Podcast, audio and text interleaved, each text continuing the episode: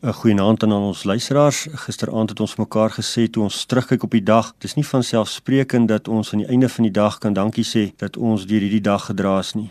Ons kon bely dat die verbondsgod ons dra deur 'n dag. Tog is dit ook so dat 'n mens dood beleef en dat mens deur dood ook omring word en baie keer deur dood beproef word. Ons lees in Genesis 27 waar Isak sê: "Kyk, ek het oud geword. Ek weet die dag van my dood nie."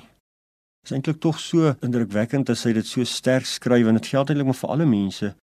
Ons ken die dag van ons dood nie. As ons vanaand terugkyk op hierdie dag, dan sê ons ons is deur hierdie dag, maar ons moet ook dink oor die lewe van elke dag. Ons kon vandag lewe, maar ons weet ook daar's 'n dag van dood wat kom. Om met die dood gekonfronteer te word is 'n gegewe vir elke mens. Ons glo nie drie eenheid Vader, Seun, Heilige Gees en of jy jonk of oud is, of siek of gesond is, of jy ryk of arm is, geleerd of ongeleerd, die dood gaan nie by jou verbygaan nie. Daarom word ons gereeld ook daarmee gekonfronteer wanneer van ons geliefdes afsterf. Soms ver, soms naby.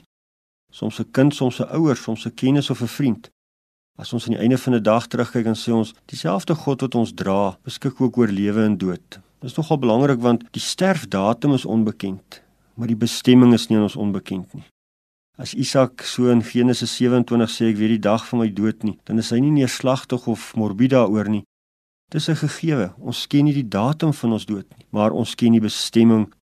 Die na ons dood is ons by hom, by hom wat vir ons in Christus lewe gebring het. En as ons dan hoor hierdie woorde van Isak, ek ken die dag van my dood nie, dan weet ons ons moet dink oor lewe en dood. Ons moet aan die einde van 'n dag soos vanaand moet ons erns maak ook met ons lewe en met ons dood. Ons moet nadink oor of ons seker is oor ons eindbestemming.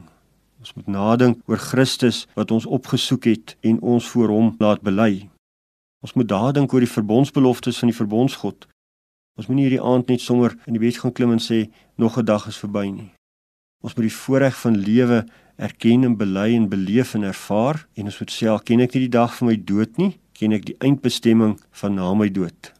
Dis 'n heerlikheid wat geen oog gesien het, geen oor gehoor het en in die hart van geen mens opgekom het nie.